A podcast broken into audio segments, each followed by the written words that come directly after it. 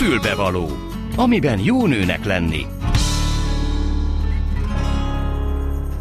Jó napot kívánok, tisztelettel köszöntöm Önöket a mikrofonnál, Gál. Hát persze, a nyárról beszélgetünk mi is, ma legalábbis két téma kapcsán mindenképpen mi másról is beszélgethetnénk ilyen körülmények között, amilyen időket élünk most. A hőmérsékletre gondolok persze elsősorban. De nem csak arra, hanem e, az egyik beszélgetésünk, vagyis az első, az Varjasi Balázs pszichológussal zajlik majd, és arról beszélgetünk, hogy most, hogy kitört a nyári szünet az iskolában, e, elkezdődött a vakáció, része legyen-e bármi bármilyen mértékben, vagy bármilyen formában a vakációnak a tanulás, a, akár a pótvizsgára való felkészülés, ha úgy adódott, akár valamilyen olyan tábor, ami kifejezetten a tanulás valamelyik ágával foglalkozik, a nyelvtanulással, vagy a számítógépes ismeretekkel, vagy nem is tudom. Szóval, hogy mennyire kellene, mennyire volna ideális kikapcsolódni az iskolai körülmények közül, illetve hogyha kötelező foglalkozni mégis valamely, valamely iskolai dologgal, akkor azt mikor és hogyan tegyük, ez lesz tehát az első első témánk. Aztán szeretném önöknek majd egy kicsit előre bocsátani a csütörtöki zsebenciklopédia témáját, amikor is egyébként az alvásról, az alvással kapcsolatos problémákról, annak a különbözőségeiről fogunk beszélgetni, egy neurológus lesz a vendégünk. A mai műsorban pedig a félkettes hírek után vendégem lesz dr. Forrásbíró Aletta egyetemi tanár, akivel pedig arról fogunk beszélgetni, mert hogy ő iskolapszichológusok képzésére specializálódott az egyetemen, hogy a gyermekvédelminek nevezett törvény óta mennyiben változott meg az iskolapszichológusok feladatköre, ha jobban tetszik, akkor mennyire nehezedett meg a feladatuk. Ugye nagyon sok minden változott ezzel kapcsolatban, sok helyen egyszerűen csak a konfliktus elkerülése véget sem szívesen beszélgetnek olyan témákról, amely egyébként, amely téma egyébként az iskolapszichológusnak a tevékenységi körébe tartozna, vagy tartozhat. Szóval erről, meg arról is, hogy ez a képzésben hogyan jelenik meg. Szóval ezekről fogunk beszélgetni dr. Forrásbíró Alettával. És végül szintén a nyárhoz kapcsolódóan, illetve elsősorban a hőséghez, a hőséggel való együttéléshez kapcsolódóan lesz itt velünk dr. Mangó Gabriella házi orvos, aki már többször, többször segített. Ő pedig jó tanácsokat fog adni azzal kapcsolatban, hogy hogy lehet ezt a nagy meleget elviselni gyerekeknek, időseknek, mit tegyünk, mit együnk, mit ígyunk, hova menjünk, hogy ez a akár 40 fokos hőmérséklet kibírható legyen. Erről fog szólni a fülbevalóma. A Klubrádió női magazinja tényleg fülbevaló. És Varjasi Balázs pszichológust köszöntöm a vonalban. Halló! Üdvözlöm! Jó napot kívánok! Nem tudom, mennyire hallotta a felvezetőnket, vagy csak már kicsit később kapcsolódott a vonalba. Azt próbáltam mondani, hogy ilyenkor a szünidő kitörtével az ember nyilván szívesen szabadulna az iskolai feladatoktól. Része legyen-e bármilyen módon, akár ha úgy alakult, hogy pótvizsgára kell felkészülni, akár más miatt, kedvtelésből, nem tudom, olyan szakos tábor választása okán, szóval része legyen-e a vakációnak a tanulás bármiképp? Hát ugye ezt nagyon nehéz megmondani. Én azt mondanám, hogy minden eset egyedi. Tehát uh, nyilván egy olyan diáknak, egy olyan uh, serdülőnek mondjuk, ugye az sem mindegy, hogy milyen korú gyermekről beszélünk, Nyilván. de egy olyan uh, gyermeknek, akinek mondjuk az elmúlt egy éve vagy fél éve igen komoly teljesítményről szólt, tehát mondjuk letett egy nyelvvizsgát, egy előrehozott érettségit, versenyek, stb. bármi, Nyilván nekik azt mondanám inkább, hogy ők pihenjenek, tehát pihenjék ki azt a hát stresszt, illetve munkát, azt az energiabefektetést, amit ők beletettek a teljesítményükbe. Ezt nyilván a szülők úgy vélem, hogy el tudják dönteni, hogy a saját teljesítményének mérten hogy teljesített a gyerkőz. Viszont a tanulás ugye azoknak, akiknek mondjuk van valamilyen külön célja, vagy lemaradtak és szeretnék beérni magukat, az bizony sajnos néha elengedhetetlen része a nyári szünetnek is. Tehát mondjuk le szeretne valaki tenni egy nyelvvizsgát. Arra mondjuk egy nyári intenzív nyelvtanfolyam, vagy egy nyári intenzív nyelvi tábor egy nagyon jó lehetőséget kínál.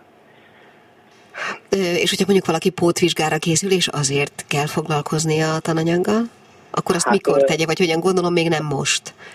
Hát ugye ez a pótvizsgától függ, illetve attól, hogy kinek milyen az időbeosztása. Tehát, hogyha mondjuk egy augusztus végi pótvizsgáról beszélünk, vizsgától függően, ugye érdemes megfelelő időben ezt elkezdeni. Már csak azért is, hogy nem biztos, hogyha ez a, én kampánytanulásnak szoktam hívni, hogyha ezzel a kampánytanulással fordulunk a pótvizsgához.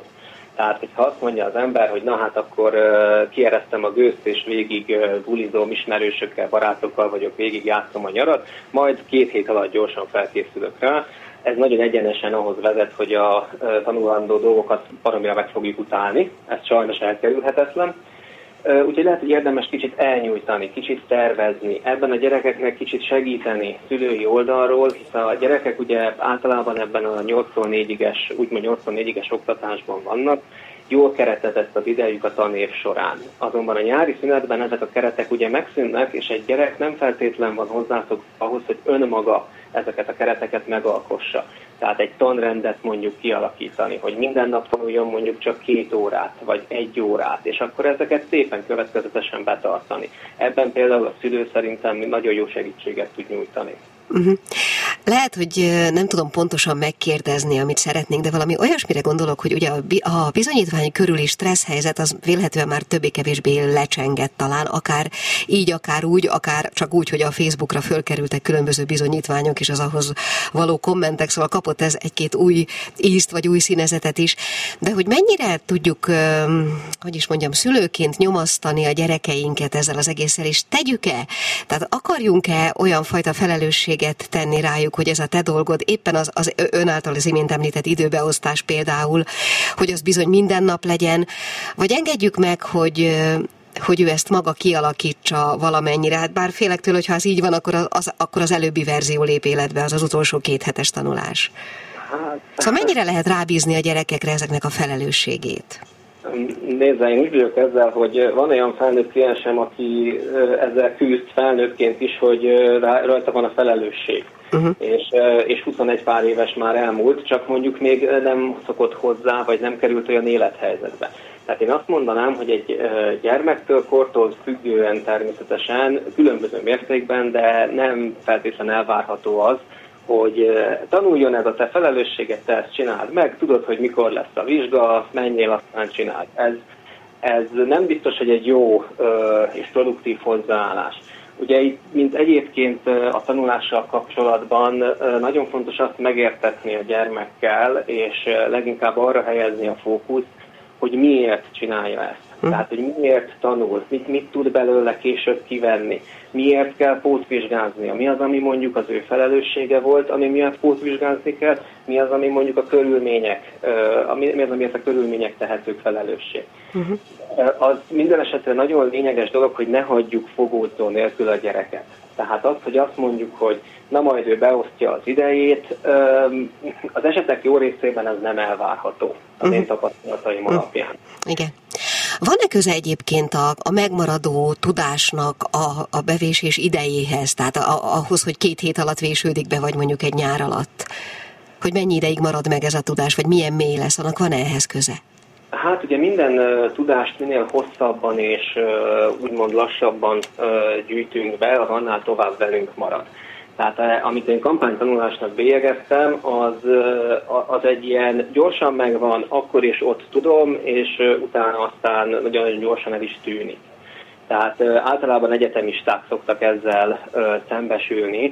Ugye az iskola rendszer, hála Istennek, nagyon jó mankót ad ilyen szempontból a 18 év alattiaknak, tehát általános iskolában és középiskolában szép lassan haladunk. Ugye ezért vannak rendszeres dolgozatok, rendszeres számunkérések, hogy ne az legyen, ami ugye az egyetemen jellemző, és ez általában első évben bizonyos egyetemeken nagyon szépen meg is figyelhető az első vizsgaidőszaknál, hogy a hirtelen jött szabadságtól ugye ráérünk arra még, hogy tanuljunk a vizsgára, és akkor van egy nagyon-nagyon húzós, egy hete, két hete vagy egy hónapja az embernek, amikor megpróbálunk ugye mindent bepótolni, és egyszerre megszerezni ezt a tudást. Nyilván ez nem marad meg olyan, olyan hosszú távon.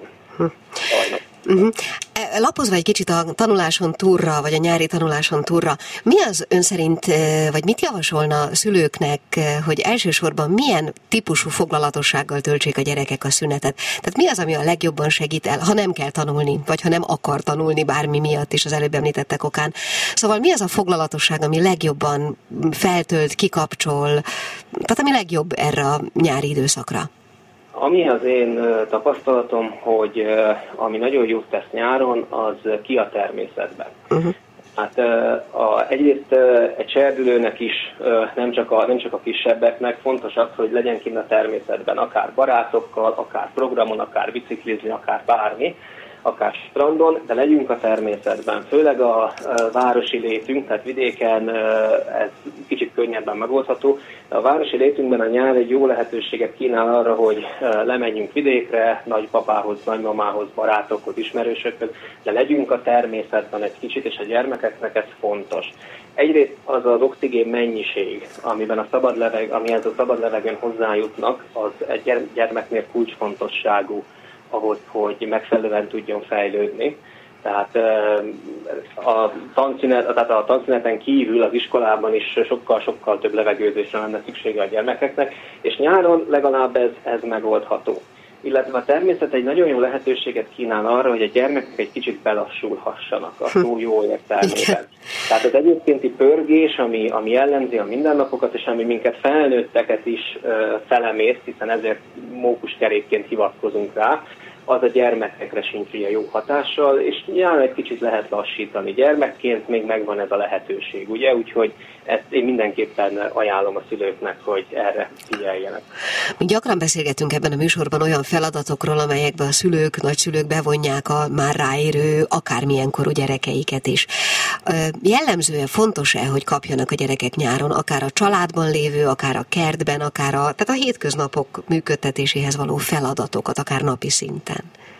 Erre nagyon határozottan azt tudom mondani, hogy igen. Uh-huh. Hát az, hogy a, ugye itt a nyár és hirtelen itt ez a nagyon sok szabadidő, ez nem jelenti azt, hogy a kötelességeinktől ugye mentesülünk, ami hosszú távon hasznos, hogyha a gyermekek megtanulják, hogy amikor szünidő van, mert amikor az ember pihen, akkor sem marad kötelességek nélkül, hiszen a felnőtt életünk sem arról szól, hogy a kötelességeinket csak úgy le tudjuk dobni magunkról, és száz százalékban nyugodtan tudunk pihenni, ez az egyik része a dolognak. A másik része a dolognak pedig az, hogy ha az ember nagyon sokáig nem csinál semmit, csak pihen, akkor bizony sajnos annak a pszichére is hatása van. Tehát, hogyha csinálunk valamit, és például a gyermek segít a házi munkában, akkor van egy sikerélmény. Neki ő úgy érzi, hogy hatékony, hogy segített, hogy tudott valamit hozzátenni a családhoz. És ez az érzés, ez hosszú távon nagyon jó, még hogyha olyannyira nincs is kedve mondjuk hozzá a gyermeknek, legalább amikor mondjuk lezárul a hét, és az a hátra tekint a gyermek, akkor azt érzi, hogy ő tett valamit mondjuk a családért. Nyilván meg is kell őt dicsérni, vagy meg is kell köszönni, vagy szóval arra jelzést kell adni, hogy ez jó, ez fontos, erre szükség van. Természetesen, illetve nem szabad túlzásba esni. Tehát, hogy azért a gyerekek számára a szünet az, az a szünet. Az a nagy betűkkel lévő szünet, amit ugye fölírnak a táblára, hogy közeledik a nyár, hogy vakáció. Ez, ez a gyermekek fejébe egy külön jelentés tartalommal bír, hogy ott végre pihenhetnek, végre nem csak a munka és a kötelességek vannak. Úgyhogy nekik ez mindenképpen szerint és sérthetetlen, Úgyhogy amikor azt mondjuk szülőként, hogy hát ezt meg azt meg kéne csinálni, hát akkor sajnos ebbe bele nyúlunk, ebbe a gyönyörű illúzióba, hogy végre nem kell csinálni semmit. Úgyhogy én azt javaslom, hogy érdemes mértékkel. Tehát mértékkel és mint minden szülőként következetesen tenni ezt is. Lehet mondjuk jutalmazni például. A mhm. serdülőkkel, tinédzserekkel például kiválóan lehet üzletelni. Ők ebben nagyon-nagyon jók hogy azt mondom, hogy ezt és ezt a házi munkát meg kéne csinálni, cserébe mondjuk egy órával tovább lehet kimaradni a barátokkal, vagy minden családban ugye egyéni, hogy milyen jutalmazásra reagálnak jól. Csak én azt mondom, hogy mértékkel ezeket a kötelességeket. Hm. A, ez tetszett az a fogalmazás, amit azt, amikor azt mondta, hogy ezt vagy azt kéne csinálni. Én tapasztalatból azt kell mondjam, hogy szerintem a kéne csinálni az nem elég erős instrukció ahhoz, hogy az meg is történjen. Rendszerint az, az egy sokkal konkrétabb instrukció kell, hogy el is jusson odáig a dolog, hogy valóban végrehajtja az a gyermek, csak me- megjegyzem. Tehát az nem elég, hogy ki kéne vinni a szemetet. Viszonylag kevés belső motivációja van egy gyermeknek arra, hogy mondjuk mosogasson el, vagy vigye ki a szemetet, de lássuk, hogy felnőttként sem teljesen hogy mondjam, belső lelkesedésből érkezik az, hogy na most végre elmosogathatok, hanem ugye felnőttként is egy ilyen kötelesség, csak ugye mögé pakoljuk felnőttként, hogy ezt miért, miért csináljuk. Még egy utolsó kérdés. Ugye szerintem nagyon sok gyerek megörült annak, és már félig válaszolt is rá, de azért kerekítsük erre is le a mondataink végét, hogy a, ugye azt mondta, hogy a természetbe érdemes menni, és hogy az nagyon sokat tesz hozzá. Mit kezdjünk a gyerekek számára már, akinél még ezzel befolyással lehet lenni, a kütyük terén? Tehát mit mondjunk nekik, hogy mennyire használható, mennyi ideig mondjuk a számítógép, a telefon, vagy mondjuk azt, hogy erre egyáltalán nincsen szükség, ha erre a gyerek rábeszélhető. Szóval mi, a, mi az okos lépés? Hát a kütyük terén természetesen először is ugye ez egyéni. Tehát van olyan gyerek, akit nem lehet behozni a focipályáról nyáron, hogy azért legyen ma benne is egy kicsit a családdal. Van olyan gyerek, akit pedig fordítva nem lehet kirobbantani mondjuk a számítógép előtt. Én, ezt, én erre is azt mondanám, hogy ezt is mértékkel. Tehát egyezünk meg valamiben a gyerekkel, hogy ennyi órát mondjuk lehet, ennyi órát meg mondjuk érdemes a természetben töltenie, vagy barátokkal töltenie. Tehát húzzunk olyan határokat, és szabjunk olyan szabályokat, fontos, újra el kell mondjam, amit következetesen be is tartunk szülőként, amikkel a gyerek is tud azonosulni. Egyezkedjünk valamit valamiért. Három óra játék, oké, okay, azt úgy tölti, ahogy mondjuk szeretné, de a maradék idő akkor legyen a természetben, legyen a családdal, társas játék, stb. Tehát egyezünk meg valamiben. Az, az, hogyha ilyen elvágólagosan állunk hozzá a dologhoz, hogy na akkor semennyi telefon, vagy semennyi kütyű, azzal, azzal valószínűleg viszonylag sok kárt tudunk okozni a gyerekekben, hiszen az ő szociális életük egy része is a kütyükön keresztül folyik már, tehát nem csak attól fosztjuk meg őket, hogy mondjuk játszanak, hanem attól is, hogy kommunikálni tudjanak a barátaikkal. Uh-huh. Tehát én azt mondanám, hogy mértéktartás. És most egy a teljes családra vonatkozó tényleg záró kérdés. Pszichológus szempontból mennyi az az idő, amennyi alatt valóban ki tudunk kapcsolni és meg tudunk pihenni? Mert hogyha az ember elmegy egy hétre nyaralni, akkor abból az első két nap még a munkahelyen való gondolkodással telik, a közepe talán egy kicsit egynapos nyugalmat hoz, és az utolsó kettő-három pedig már a, a újra előidézi azt a stresszt, hogy vissza kell térni a napi ritmusba. Hm? Hát én ennél sajnos sokkal elszomorítóbb számokat tudok mondani. Igen? uh, igazániból inkább kettő hét az, ami, ami, ami így alkalmas szokott lenni arra, hogy az ember egy hetet ki tudjon kapcsolni. Uh-huh. Tehát így el, uh, elmegyünk mondjuk szabadságra, tehát felnőtt, felnőtt szemszögből nézve, eljövünk mondjuk szabadságra, akkor még másnap azért fölhívnak minket, még akkor egy kicsit ebben van az agyunk, uh, eljutunk oda, ahol mondjuk pihenni szeretnénk, jó, leértünk, tehát eltelik három nap, három-négy nap mondjuk, amíg így leállunk, és utána kezdődik az az egy hét, amit mondjuk pihenéssel töltünk, és ugye, ahogy ön is mondta, az utolsó két-három napban, vagy három-négy napban sajnos már az ember agya egy kicsit vissza-vissza megy ahhoz, hogy most vissza kell jönni a munkavilágába. Úgyhogy én a két hetet mondanám, hogy ha valaki meg tudja azt oldani, hogy esetleg két hét tömbösített szabadságra menjen el, mert akkor abban legalább egy hetet ö, tudni fog mindenképpen pihenni. És a két hét tömbösített szabadság az nem ugyanaz, mint mondjuk kétszer egy hét, ha jól értem. Nem, nem, abszolút nem, sőt. Tehát a, ugye pontosan azért kell a két hét, mert egy hét így is úgy is el fog menni arra, hogy az ember ki és bekapcsoljon, és ezért érdemes közé ékelni még azt a hét napot, ami a valódi pihenést megadhatja. Na jó, hát nagyon szépen köszönjük, legyen így, bárki, aki megteheti, az engedjen meg magának egy tömbösített két hetet. Ön egyébként megengedheti magának? Nem. Igen, valahogy ezt sejtettem. Na jó, Varjasi Balázs pszichológus tanácsait hallották a nyárra vonatkozóan a tanulás és a nyaralás és a nyári időtöltések kapcsán. Köszönöm szépen viszont hallásra. Köszönöm. Mi kell a nőnek? Egy fülbevaló. És most még engedjék meg, hogy egy kicsit előlegezzem a csütörtöki műsort a félkettes hírek előtt.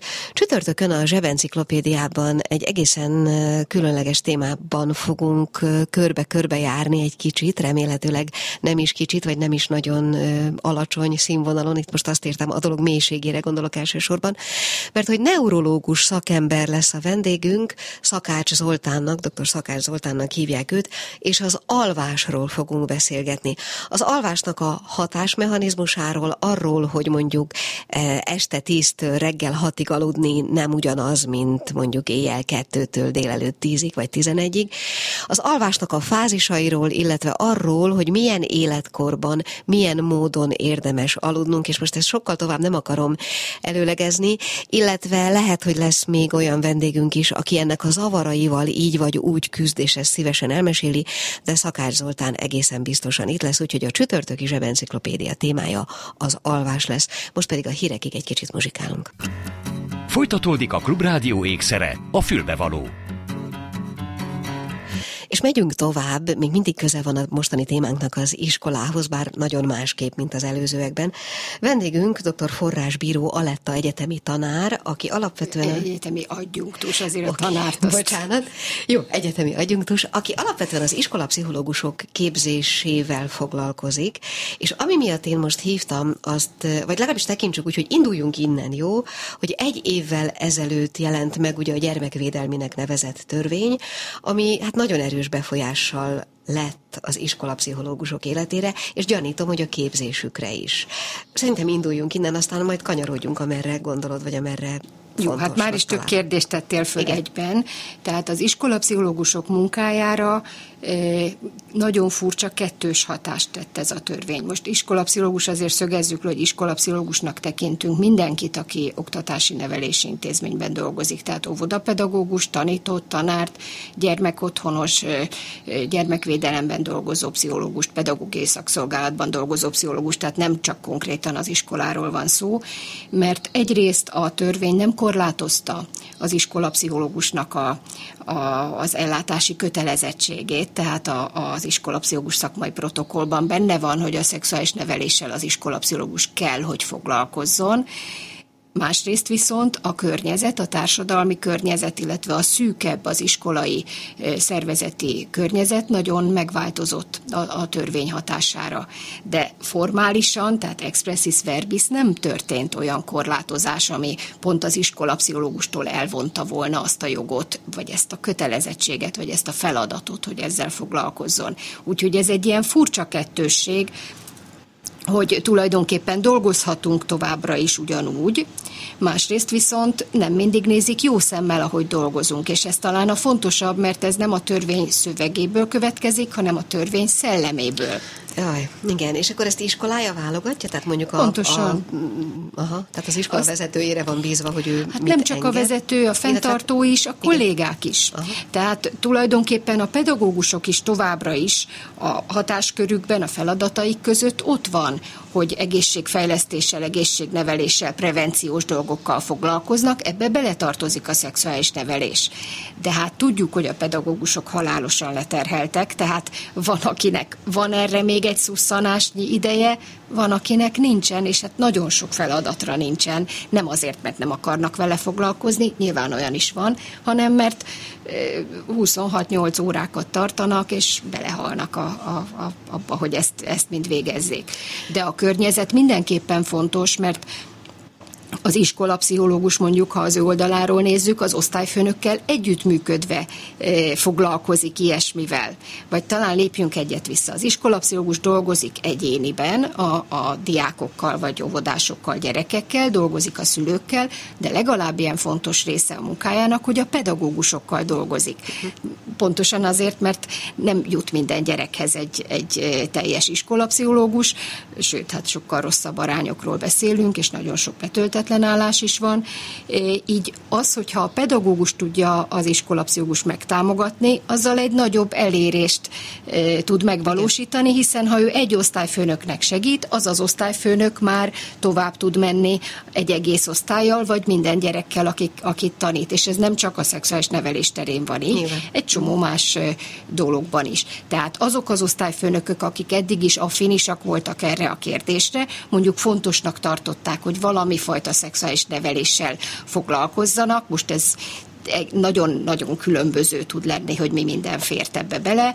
Többnyire az osztályfőnökök ezt a gyerekek igényeire, a kérdéseik alapján indítványozták, az iskolapszichológushoz továbbra is fordulhat. Az igazi korlátozás, vagy az igazi változás, hogy nagyon sokszor hívtunk, vagy hívtak az iskolapszichológusok külsősöket ehhez a e, dologhoz, például a melegség és megismerés programot, ami egy nagyon sajátos program volt, és szuperül működött, mert hogy tényleg csak azokhoz mentek, ahol volt fogadókészség, nem igen, tukmálták rá magukat. is volt igen, ilyen igen, része. igen. Uh-huh. Uh-huh. Hát az most is fut, csak nem mehetnek csak be az iskolába. Nyilván, Tehát pont azokat fosztják, fosztja meg a törvényi korlátozás a lehetőségtől, hogy ezzel foglalkozzanak, akik, akik szívesen hívtak volna külsősöket. Uh-huh. És ez valóban egy, egy nagy csapás, mert hogy így dolgozhat ezzel az iskolapszichológus, de hát az iskolapszichológus nem feltétlenül LMBTQ érintett. Ha érintett is,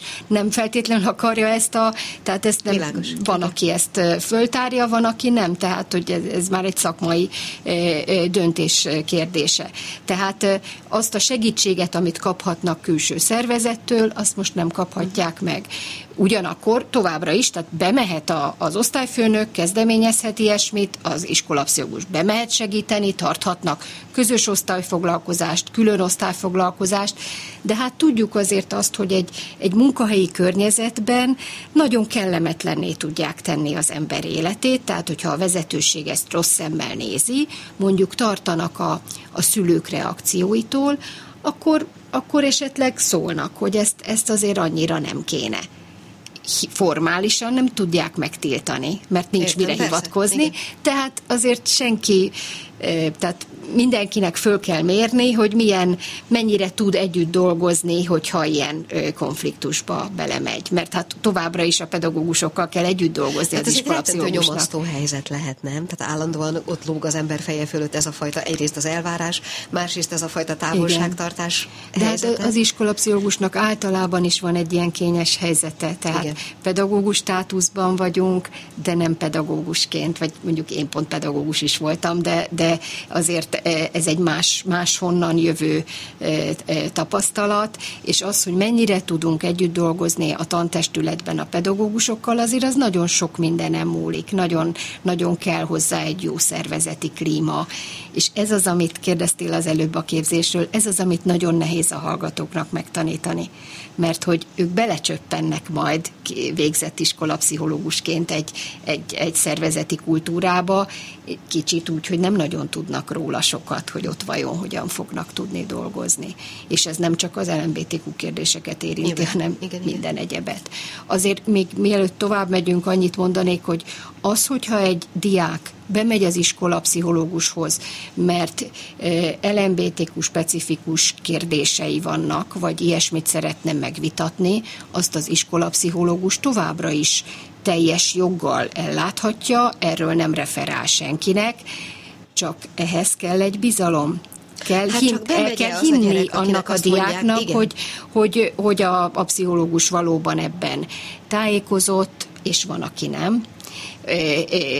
Elfogadja az ő döntését, és van, aki nem. Világos. Tehát, hogy ez azért egy, egy több esélyes dolog. Általában, mire egy iskolában ráneveljük a gyerekeket arra, hogy járjanak iskolapszichológushoz, az egy több éves munka. Én úgy tapasztalom, én gimnáziumban vagyok, hogy a, és a kicsik csak a még... következő lépés csak, gondolom, csak. hogy és egyébként kérdezni is szabad.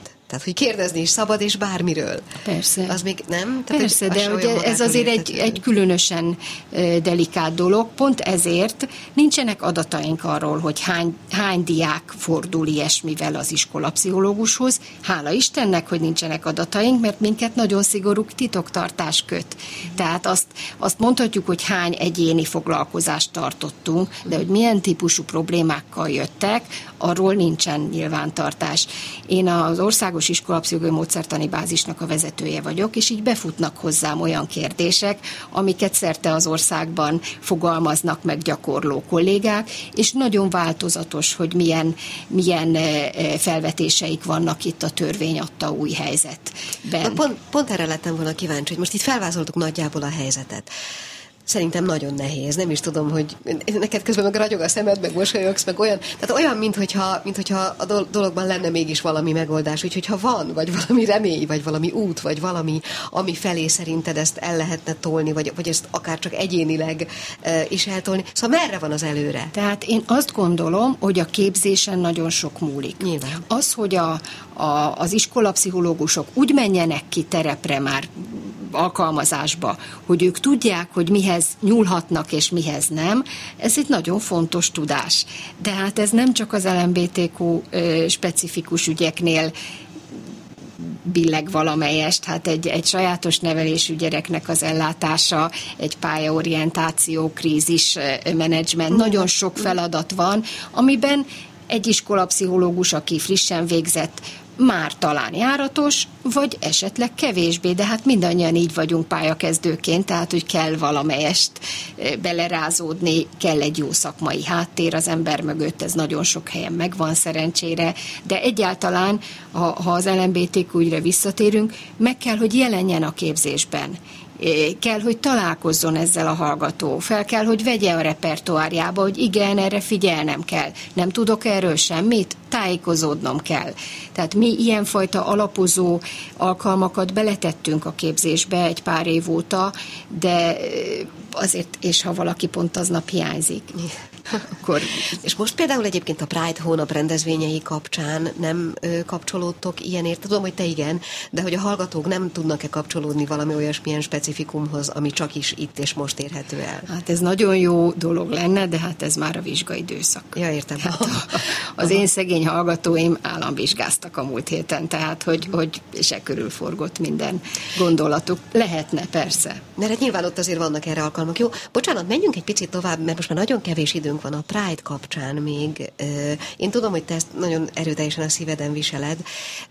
Mi több benne vagy egyfajta szervezői körben is, ha jól tudom. Nem, nem, nem annyira, akkor abban nem csak, bocsánat. Csak megyek, ha hívnak. Igen, oké. Okay.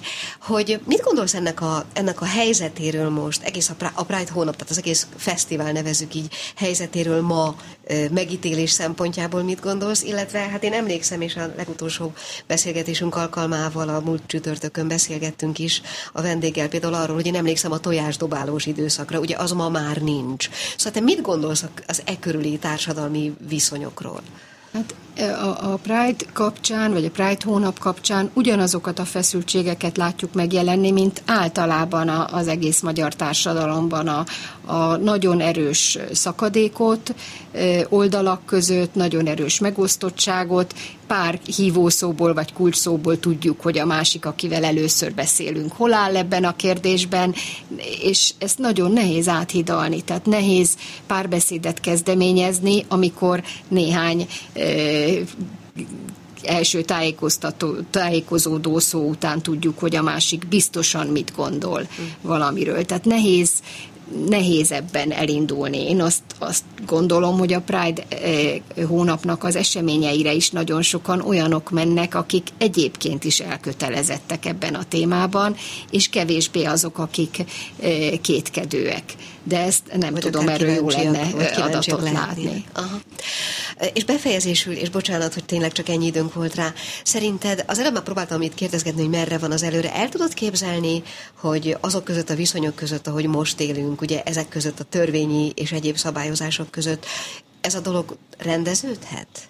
Akár, és most nem csak az iskolapszichológusok helyzetére, meg a, erre való viszonyra gondolok, hanem akár törvényi értelemben is. Én nagyon bízom benne, hogy egyszer rendeződik, de én egy megrögzött optimista vagyok, és remélem, hogy meg is érem. Ettől függetlenül azt gondolom, hogy az egyéni élethelyzetekben mindenkinek magának kell mérlegelni, hogy ő mennyi türelmi időt hagy erre, vagy milyen aktivitást tud ebbe beletenni, hogyan, hogyan tud ehhez viszonyulni. Tehát azt gondolom, hogy az egyéni szinten nagyon sokféle választás lehetséges, és ebben benne van az is, hogy az ember inkább egy olyan társadalmi környezetben szeretne élni, ahol ez nem ekkora téma. Egyébként, ha már egyéni szintről beszéltünk, akkor, és ezt most konkrétan kérdezem, hogy ma egy középiskolás diák mondjuk, ha az iskolapszichológushoz fordul, akár LMBTQ témában, ott akkor pontosan mit, mi, mi tud történni? Tehát tud-e konkrét segítséget kapni? Értem, hogy ők egymás között beszélhetnek természetesen erről, de ezen túlmenően. Információt? Hát például.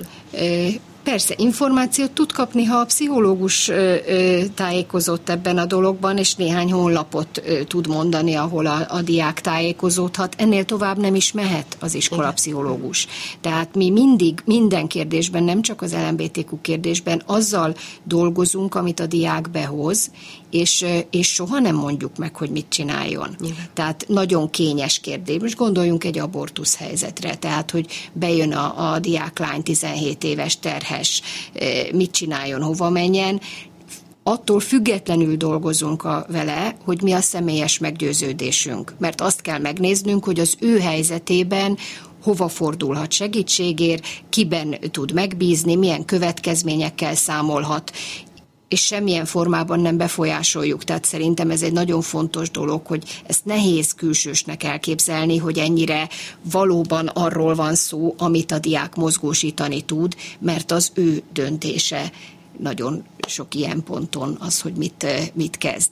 De enyhébb dolgot, tehát nem kell ilyen, ilyen nagy súlyú dologra gondolni. Egy fakultáció választás is. Mi mondhatjuk azt, hogy, hogy nézzük végig, hogy ha így, így fakultálsz, akkor mi lesz a, a, az eredmény, mi lesz a következmény, ha úgy, akkor mi, de utána a döntés a diáknál van. Hát nyilván ott a család, a tanárok, stb. belejátszanak, de, de a pszichológus nem mondhatja meg, hogy akkor te menjél bioszkémiára, mert az biztos jó lesz. Persze.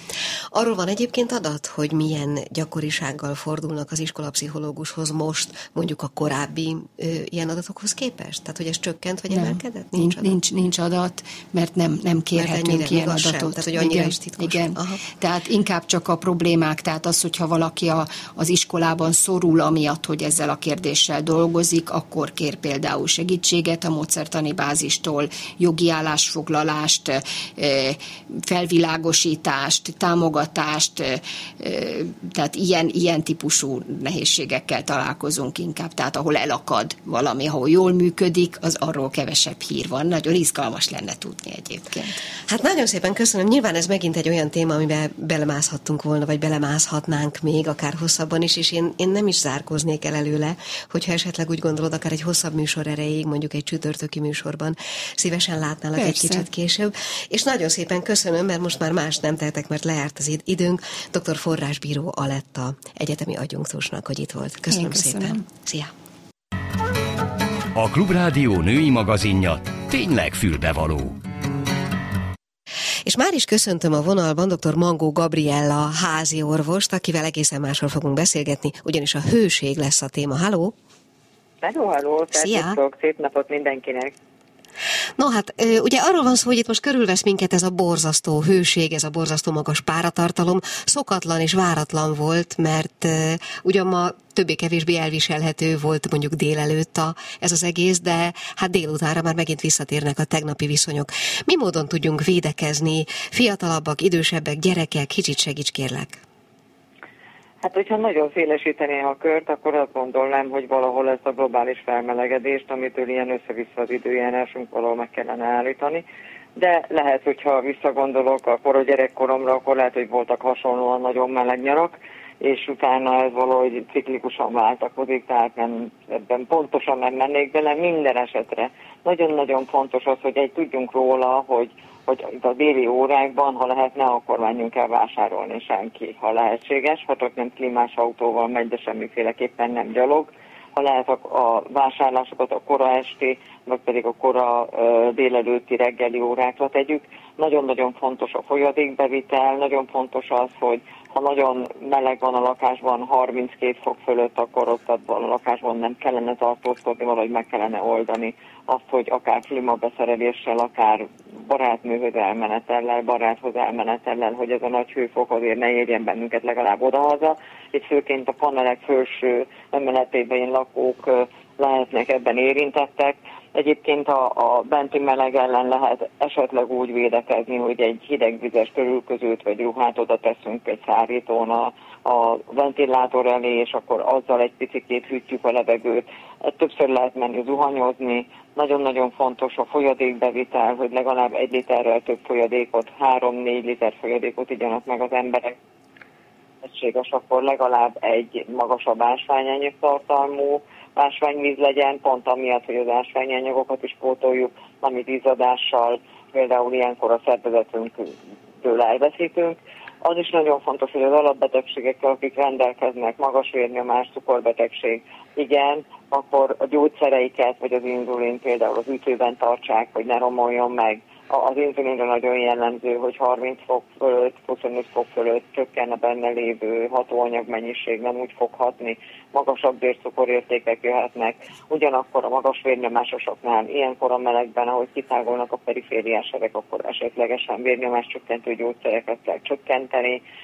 Nagyon fontos az, hogyha valaki napon volt, akkor bizony ott is a folyadékbevitel az meg legyen, és odafigyeljünk arra, hogy mindig legyen valami a fejünkön, ha nem vittünk sapkát, akkor gyerekeknek például egy papírzsebkendőből lehet nagyon egyszerűen a sarkokat összekötözve kis pici sapkát csinálni, hogy a fején legyen mindig, vagy vizes legyen a haja, hogy mindig fűtve legyen egy kicsit az agy, és ne kapjon napszúrást, ne kapjon hőgutát, a hőguta az egy elég életveszélyes állapot lehet, több órát, hogyha napon állnak gyerekek, felnőttek, akkor előfordulhat, ott, ott akár kórházi kezelésre is szükség lehet. Az egy ájulásos dolog, bocsánat, a hőguta? Igen, igen, igen, eláj, elájul, így van, magasabb lesz a hőfoka, nagyon fontos, és akkor ezt egy kicsit szélesítheti a kört, hogy ugye a post-covid, long-covidnál, hogyha funkcionális agyi tünetek vannak valakinél, nagyon sok beteg számolza például, hogy amikor ő covidos volt, akkor 35 hatra ment le a hője. Nem egy betegtől hallottam, és több látmérővel megmérték. Ugyanígy a hőszabályozásnak is lehet egy zavara.